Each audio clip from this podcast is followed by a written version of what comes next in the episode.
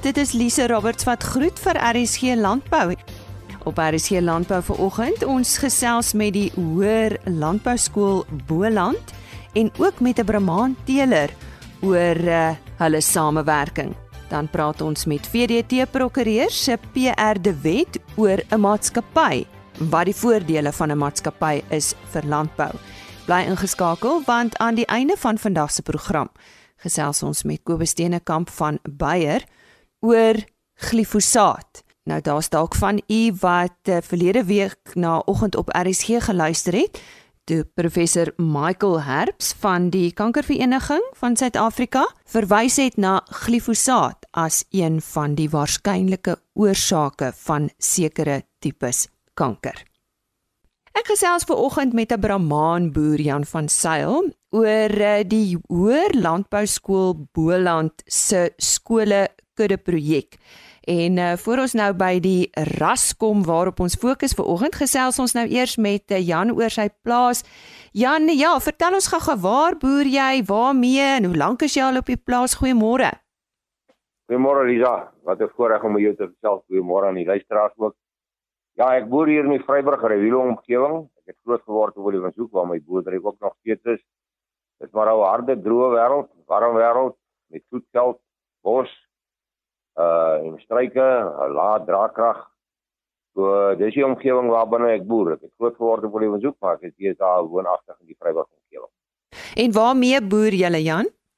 Jong, die aard van die saak in die omgewing wat ek is, is 'n harde taai wêreld. So uh, ons is aangewese op beesenskap. Ek het my skaap fasit het ek uitfaseer. Ek is tans net besig met beeste. Nou gaan jy seker my vra hoekom Brahmane? Uh vir die rede Brahmane is aangepas aan ons omgewing. Ons is 'n hoë hitte, ons is 'n droogte weer droogte gebied. Uh so ek het gekies om met 'n die dier te be, te boer wat hitte en droogte bestand is, siekte bestand is, wat effektief sy gras en sy struike kan benut. En ook 'n groot voordeel van die Brahmane is die trop instink wanneer hulle trop om by mekaar moet maak, is dit baie maklik wanneer die diere bly in 'n trop. En dit bemoeilik natuurlik die stof van die bees ook en die diere is op mekaar aangewese om mekaar te beskerm teen roofdiere en ongedierte wat dit ook maar in, in die het. Maar by dit wou ek graag 'n dier gehad het wat uh wat hoë wins genereer met 'n lang lewensduur. So een van my bulle se maas is nou wie hom ek 20 jaar oud. Het 17 kalwers geproduseer waarvan een van die uh seuns terug is by my in die kudde. En ja, ek boer van 1972 af by die Brahmane. Dit is nou 47 jaar, so dis 'n lang pad wat ek met die ras stap want ek het 'n passie vir hom en ek het 'n liefde vir hom. En dis altyd 'n pragtige dier. Ek dink vir enige ehm um, toeskouer as hulle by 'n uh, feeskoue kom, ehm um, is die Brahman 'n dier wat jy so twee keer na kyk. Is ek reg? Ja, dis verseker. Uh dis 'n dier met 'n unieke persoonlikheid, maar wat oor die hele wêreld so van kusgebiede tot in Hoëveld. Ons ek was nou ruk terug in Australië en Amerika, uh Suidelike Afrika, oral te word die word die ras geweldig sterk uh mee geboer want dit is 'n aangepaste dier en ek sê altyd vir my vir my jong boere boer net met 'n dier wat aangepas is by jou omgewing, 'n dier waarvoor jy passie het, 'n dier waarvoor jy kan lief wees en dan weet jy gaan kan oppas. Jan, ek wil jou nou 'n hierdie vraag vra oor die Brahman. Hierdie vreeslike skof van hom. Wat is daar binne-in? Want ek dink party van ons luisteraars gaan dalk wonder. Daar binne-in is is 'n redelike marmering. In Australië het hulle hom ontwikkel tot 'n uh, tot 'n eksotiese uh, gereg wat hulle met 'n vark afkrap om soos dit ons nou hier die murgbeen bo op steek eet, gebruik hulle die skof vir dit. So daar is redelike sterk marmering in, maar dit is ook die dier se vermoë om soos 'n kameel waar hy vir hom kan reserve stoor stoor vir lang afstande wat hy moet loop of weer na water toe. So dis 'n reserve wat hy vir hom ook daarin kan opbou. Maar dit is 'n uitstekende snitvleis wat uh ek dink ons in Suid-Afrika op 'n stadium baie beter moet bemaak. Ook. Ja, nee, ek het dit al gehoor. Kom ons gesels oor julle uh, kudde projek met die Hoër Landbou Skool Boland. Geen my net jou indrukke van uh, van die kudde projek uh, persoonlik gewys, uh, Jan? Goed, my my verbintenis met Boland het gekom dat deurdat ek op 'n stadium deur uh Bruiten Milford uitgenooi was om op sy sy ding om daar na Stellenbosch 'n lesing oor beesproduksie te gee. En ek het toe te hoor gekom van die Brahmane wat daar uh, by Boland, Hoërland Boskool Boland is. Ek het uh, na die tyd gery en ek het vir uh, daai stadium as Chris vir die die, die skoolhoof gewees, wat die van der Linne was die kuddebestuurder, Gerard Lou. Ek het die manne ontmoet daar en ek het onmiddellik tuis gevoel in die omgewing. Want as jy by die hoof by die ingang kom inry dan staan daar 'n groot uh tekening van die hoofseun wat sy hand uit en sê hier groet ons mekaar. So dit het onmiddellik vir my geval dis my tipe mense, is my tipe omgewing. Ek het hulle Brahmane gesien daar en dit was kommersiële beeste. En ja, omdat ek 'n passie vir die jeug ook het en 'n passie vir die Brahmane, het ek net besluit Brahmane het in my lewe so baie toegevoeg dat ek iets vir Brahmane en iets vir jong mense kan teruggee. Van daai tyd af het ek uh, met die skool om 'n tafel gaan sit. Ek het 'n uh, paar keer deur hulle kinders al gewerk. Ek help hulle met hulle beplanning, met hulle evaluasie. Ek het selfs vir my topkuddevaars vir hulle teen absolute billike terme beskikbaar gestel en ek dink soos wat ek gegroei het in 47 jaar van vyf beeste na een van die grootste teelers uh in die suidelike halfrond dink ek is dieselfde tendens daar uh soos daar.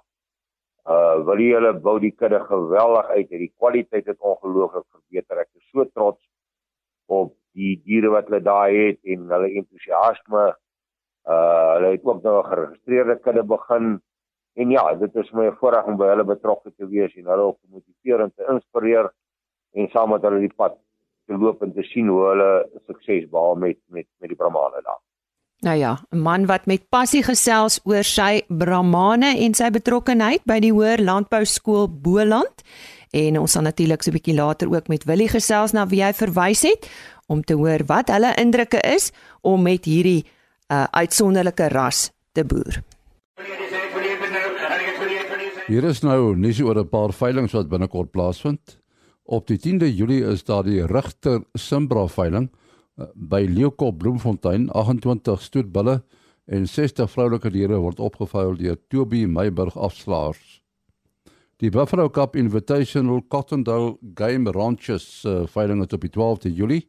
Dit vind plaas op Millvale en dit word aangebied deur Cottondale Game Ranches.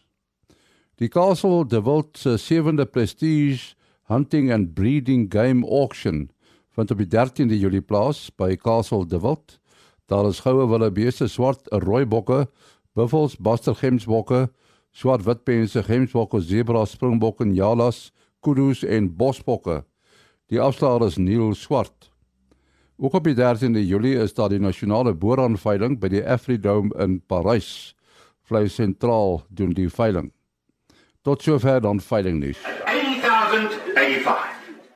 Ons sê baie dankie aan Henny Maas vir die veiling nuus. Maatskappystrukture kan dikwels ingewikkeld en duur voorkom. Maar hou terselfdertyd baie regs finansiële en belastingvoordele in, selfs se boere.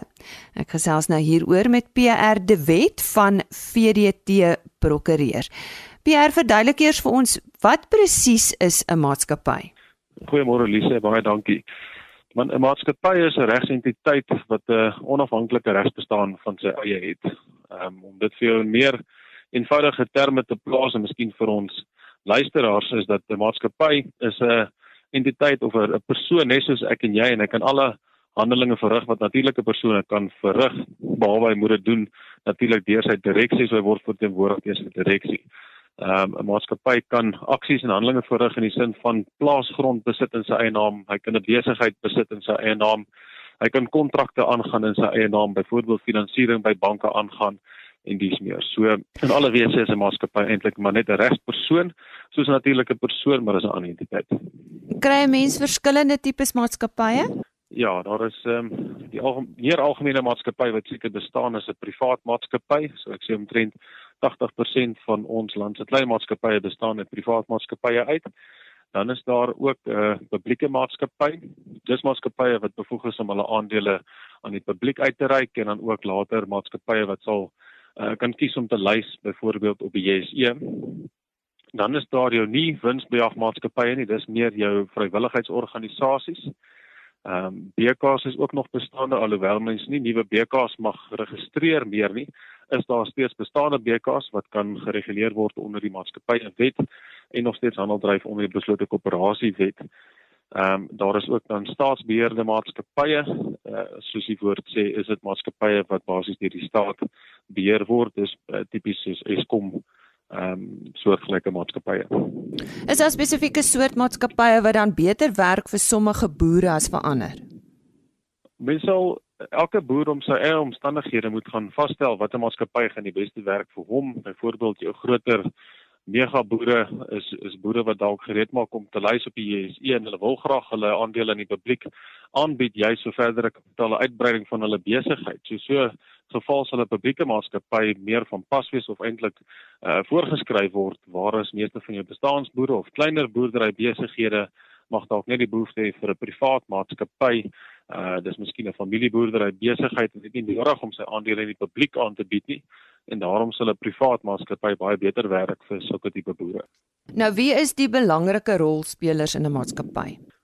Hoofsaaklik is dit jou aandeelhouers en jou direksie. So alhoewel daar baie skrywers is en daar is baie argument rondom die verskeie rolspelers wat insluit byvoorbeeld jou mense van die publiek in die omgewing self waarin jy ehm uh, beweeg as 'n maatskappy jou werknemers wat vir jou werk en die krediteure is eintlik maar die hoofsaaklike belangrike rolspelers veral in 'n privaat maatskappy is dit jou aandeelhouers en jou direksie. So die direksie uh, wat ons vind in die praktyk is ook baie veral met kleiner besighede is die direkteure is gewoonlik ook die aandeelhouers in jou eie eienaar beheerde maatskappye en die verskeie rolspelers verstaan nie altyd wat se hoed hulle dra nie. Jy weet hulle moet onderskei kan tref tussen wanneer jy optree as 'n direkteur en wanneer jy optree as 'n aandeelhouer en dit dit vind hulle nogal moeilik. So die direksie is verantwoordelik vir die beheer en bestuur van die maatskappy en die besluitneming daarvan en gewoonlik moet daardie besluite in die beste belang van jou aandeelhouers wees veral in 'n privaat maatskappy wat winsbejag is omdat jou enigste doel eintlik is as 'n maatskappy en direkteur in terme van die fiduciêre verpligtinge is om vir jou aandeelhouers wins te uh, wins te maak. Word 'n maatskappy deur spesifieke wetgewing en uh, of in 'n uh, instansie beheer? Ja, dan is dit die maatskappywet nommer 71 van 2008, soos gewysig van tyd tot tyd wat alle maatskappye reguleer in Suid-Afrika en maatskappye om wettig handel te dryf is almal verplig om te registreer by die kantore van die CIPC. Uh um wat dan elektronies aangedoen kan word. BR nou jy weet ons gesels met uh, landbou op hierdie program. So hoe kan 'n maatskappy voordelig wees vir 'n boer? Soos vroeër genoem, uh, moet ou onthou dat 'n maatskappy is 'n aparte regsentiteit van die persone wat agter die maatskappy sit, juis die direksie en die aandeelhouers. So dit beteken waar ek vroeër gesê het 'n maatskappy is geregtig om grond in sy naam te besit. Ehm uh, net soos 'n natuurlike persoon kan dit help vir boere wat tans miskien hulle boerdery besigheid en hulle grond alles in hulle persoonlike naam het om te oorweeg om miskien 'n onderskeid te kan tref daartussen en sy grond miskien in een maatskappy te gaan registreer en sy besigheid in 'n ander entiteit te registreer. Dis nou waar hy sy kontrakte met sy verskaffers het, sy kontrakte met sy werknemers, waar hy miskien krediet aangaan met die bank sodat hy juis as daar vir een of ander rede iets sou verkeerd gaan met die besigheid of selfs met die grond in die ander maatskappy, dan is die een nie belemmer deur die ander een nie. So dan kan sy grond miskien voortbestaan of in die ander geval kan sy besigheid voortbestaan sou daar iets gebeur het met die grond byvoorbeeld. En daar is 'n baie groot voordeel vir boere. Uh, Natuurlik is dit ook deel van sy boedelbeplanning. Ehm um, aangesien die bates nie meer langer in sy persoonlike naam geregistreer word nie, is dit ook 'n lekker uh, meganisme wat 'n ou kan gebruik in die langtermyn om jou boedelbeplanning meer effektief uh, te bewerkstellig en dalk op daardie manier 'n beter belastingstruktuur vir jouself ook in plek te sit. Is dit baie duur om 'n maatskappy te registreer? Tans nie met die CIPC wat alles elektronies gegaan het, is dit baie meer toeganklik nou vir mense om sommer self jou maatskappy te kan registreer teen minimale kostes. Ek dink as ek reg onthou is dit tans R250 die uitgawe, dan kry jy jou bewys van registrasie. Jy word ook outomaties geregistreer by SARS vir inkomstebelasting doeleindes omdat die twee departemente in daardie opsig met mekaar gelink is. En dit mag dalk wees as jy 'n groter maatskappy het waar daar meerdere aandeelhouers is dat jy dalk 'n verdere aandeelhouers ooreenkoms tussen mekaar sal wil aangaan en in daardie geval uh, stel ons nie voor dat jy jou eie aandeelhouersooreenkoms of sommer net 'n 'n template van van die internet sal aftrek nie, maar dat ou eerder daar regsadvies sal sal napleeg om seker te maak daardie tipe dokumentasie en kontrakte is in plek want jou aandeelhouersooreenkoms moet in lyn wees wat voorgeskryf word in terme van die maatskappywet en dan ook so in lyn wees met jou memorandum van inkorporasie. So in daardie geval dink ek dis daar addisionele kostes, maar uh, net om jou maatskappy te registreer, eenvoudige bedrag sou ek sê van uitgawe van R250 ongeveer. En uh, wat van jaarliks, watter kostes is daarin verbonde om die maatskappy dan jaarliks te onderhou? Ja, so 'n maatskappy moet ook by CIPC jaarlikse opgawes indien. Uh, dit is om seker te maak die maatskappy bly geregistreer en dat hy kan voortgaan in besigheid. Dit wissel ook in terme van die maatskappy se omset. So 'n klein opset, ek dink onder 'n miljoen rand op hierdie stadium, kos dit jou R200 per jaar vir die opgawes. Sodra jy oor die 25 miljoen rand omset gaan, kos dit tot en met so R4000. Dan is daar ook natuurlik jou auditeurs of finansiële state uitgawes wat opgetrek moet word. Uh nog 'n lekker voordeel in terme van die maatskappywet vir kleiner maatskappye is hulle nie meer verplig om geauditeer te word nie. So hulle kan hulle kan slegs onafhanklike finansiële state laat voorberei deur 'n onafhanklike rekenmeester wat dan natuurlik teen 'n baie laer koste kom op hierdie stadium as ouditeurskoste. So daar's goeie voordele vir klein maatskappye uh, steeds dan voorbou in die maatskappywet. Pierre baie dankie vir jou tyd vanoggend net om mee af te sluit. Watter advies kan jy vir boere gee in hierdie verband? Ek sou sê as 'n boer wel met sy besigheid en sy grond alles en miskien as sy persoonlike naam sit op hierdie stadium of selfs alles in een maatskappy dat dit dalk die moeite werd sal wees om 'n kundige te raadpleeg in hierdie opsig vas te stel is daar dalk nie 'n beter manier of 'n beter struktuur waarin hy sy natuurlike ehm um, bates kan onderskei van sy besigheid nie en dalk 'n maatskappy struktuur in plek stel wat hom ook in die langtermyn gaan help uit 'n boedelbeplanningsoogpunt uit om uh, meer effektief belasting te kan betaal. Nou met daardie goeie raad sê ons baie dankie aan PR De Wet van VDT Prokureurs en hy het met ons boere gesels oor maatskappystrukture. Ons gesels nou met uh, Willie van der Linde en hy's betrokke daar by die Hoër Landbou Skool Boland met die Brahmane en u sal onthou dat ons so 'n bietjie vroeër in die program gesels het met Jan van Sail die Brahman boer. Nou wil jy sê eers vir ons hoe lank is jy nou al betrokke by die skool? Van 1996, dit is 25 jaar lank. Sjoe, en wat is jou rol presies, Willie? Uh ek is hoofplaasbestuurder van Boland Landbou Skool hier in die Agterperl in die Boland. En die Brahmane, hoe lank het julle hulle dan al daar op die plaas? Ek het na in van 1997 het ek begin spekuleer met beeste en toe het ek begin om die mooi suiwer Brahman koeie wat tussen 'n betrokke vrag diere is uit te haal en so het ons hulle bymekaar gemaak en vermeerder tot dit ons nou staan by 'n getal van plus minus 180 wit Brahman diere.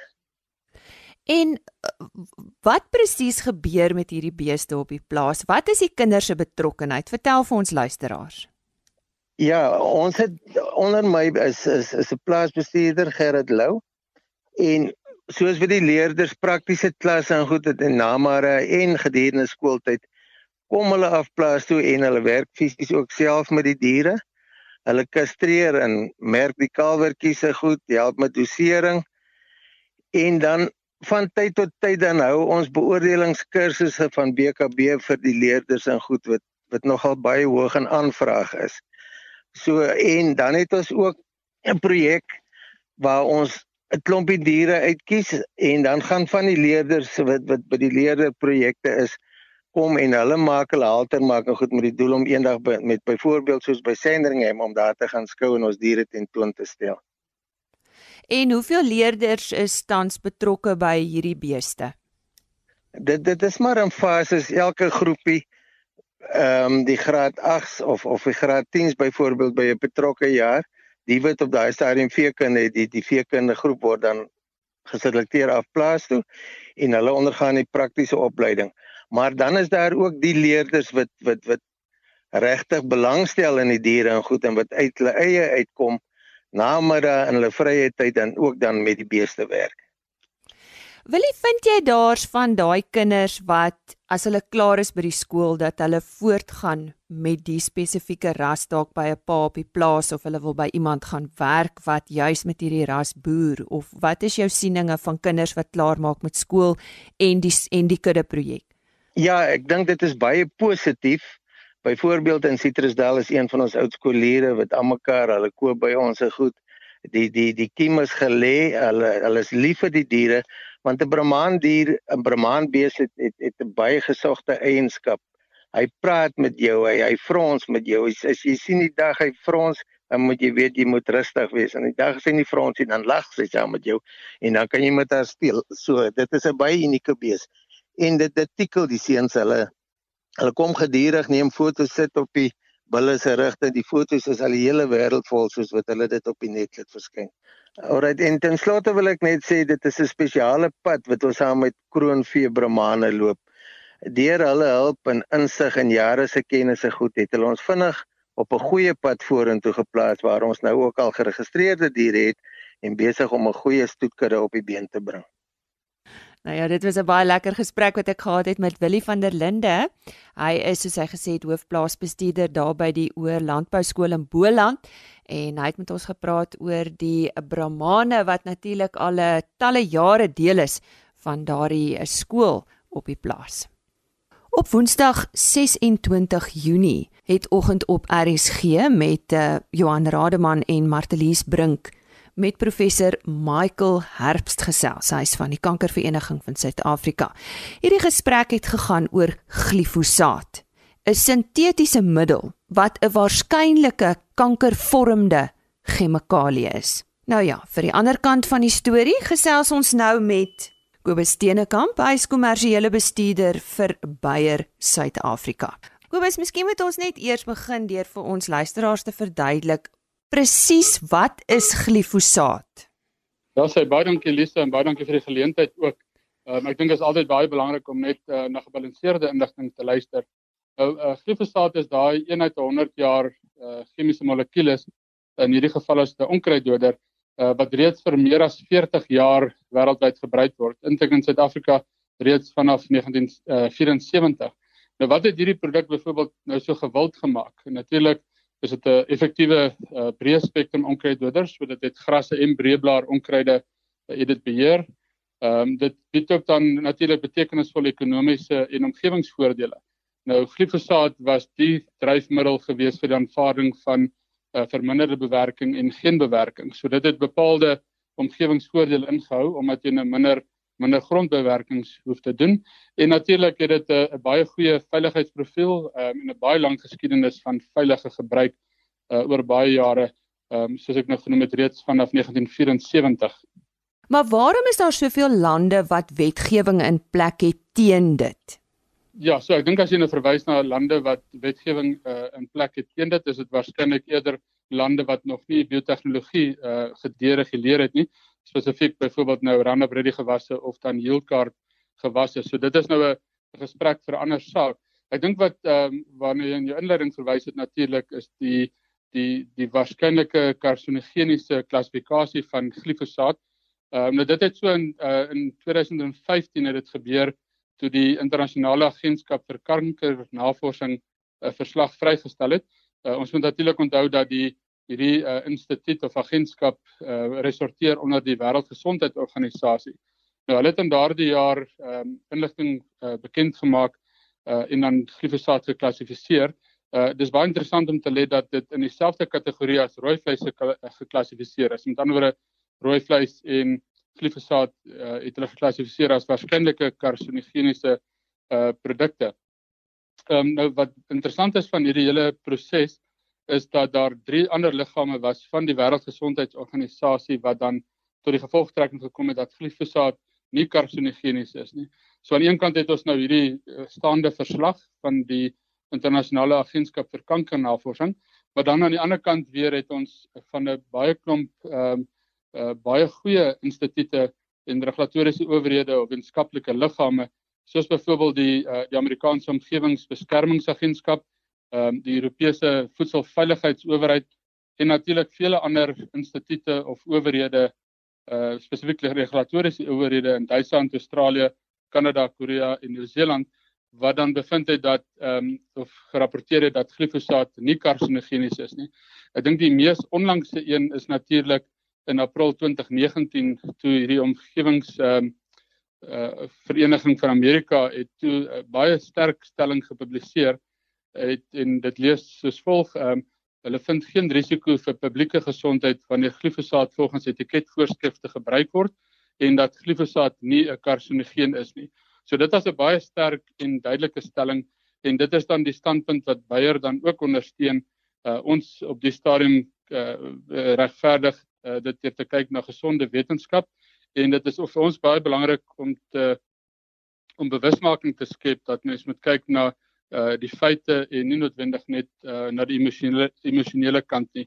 Alhoewel ons natuurlik altyd moet um, bevestig dat ons baie sterk simpatie het met enige persoon wat wat kanker uh, onderlede het en dan spesifiek die persone wat dan ehm uh, wat dan kanker het in die sake wat tans in Amerika voor die hof dien.